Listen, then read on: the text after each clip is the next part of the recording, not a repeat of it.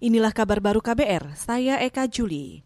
Saudara Ketua Pengurus Pusat Muhammadiyah Anwar Abbas mengatakan munculnya desakan pembentukan Tim Gabungan Pencari Fakta atau TGPF untuk mengungkap kematian enam anggota Front Pembela Islam atau FPI sebagai buah ketidakpercayaan sebagian pihak terhadap kepolisian. Tidak cukup dengan yang dilakukan oleh polisi, ya bantu aja tim apa pencari fakta. Tidak ada masalah untuk apa. Apa, apa ditakutkan?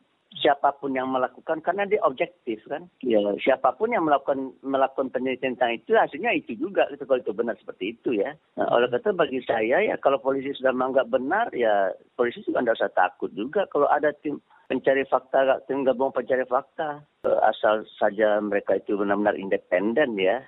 Itu tadi Ketua Pengurus Pusat Muhammadiyah Anwar Abbas.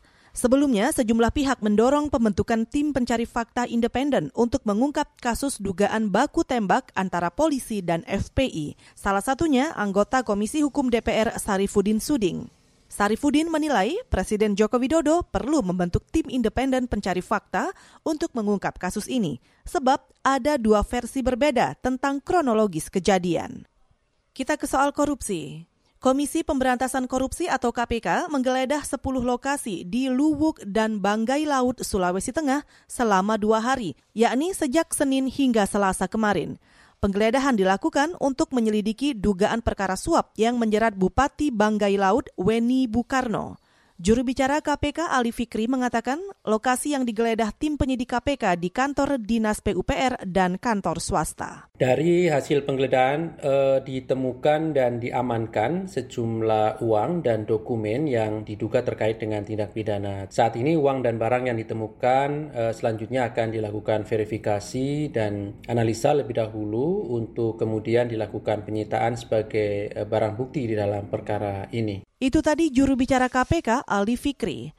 Awal Desember lalu, KPK melakukan operasi tangkap tangan atau OTT terhadap Bupati Banggai Laut, Sulawesi Tengah, Weni Bukarno di Banggai Laut. Wakil Ketua KPK Nawawi Pomolango mengatakan, OTT bermula dari informasi yang diterima KPK soal akan terjadinya penyerahan uang senilai 200 juta rupiah kepada Weni.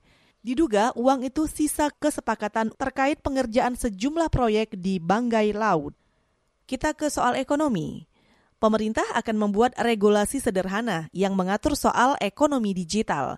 Deputi Bidang Koordinasi Ekonomi Digital, Ketenaga Kerjaan, dan UMKM Kementerian Perekonomian, Rudi Salahuddin mengatakan regulasi penting dibuat untuk membantu transformasi digital yang lebih baik di masa pandemi. Bahwa pada saat pandemi ini orang bertransformasi ke digital dan tadi melihat survei yang dilakukan bahwa 93 persen dari orang-orang yang bertransformasi itu akan tetap menggunakan uh, teknologi digital ini untuk melakukan kegiatan mereka. Nah ini merupakan suatu peluang yang sangat besar.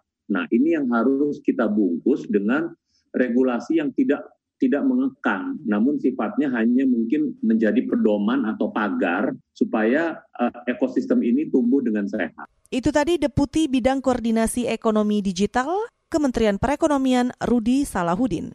Hasil survei yang dilakukan Google, pengguna ekonomi digital pada tahun ini naik 37 persen saat pandemi.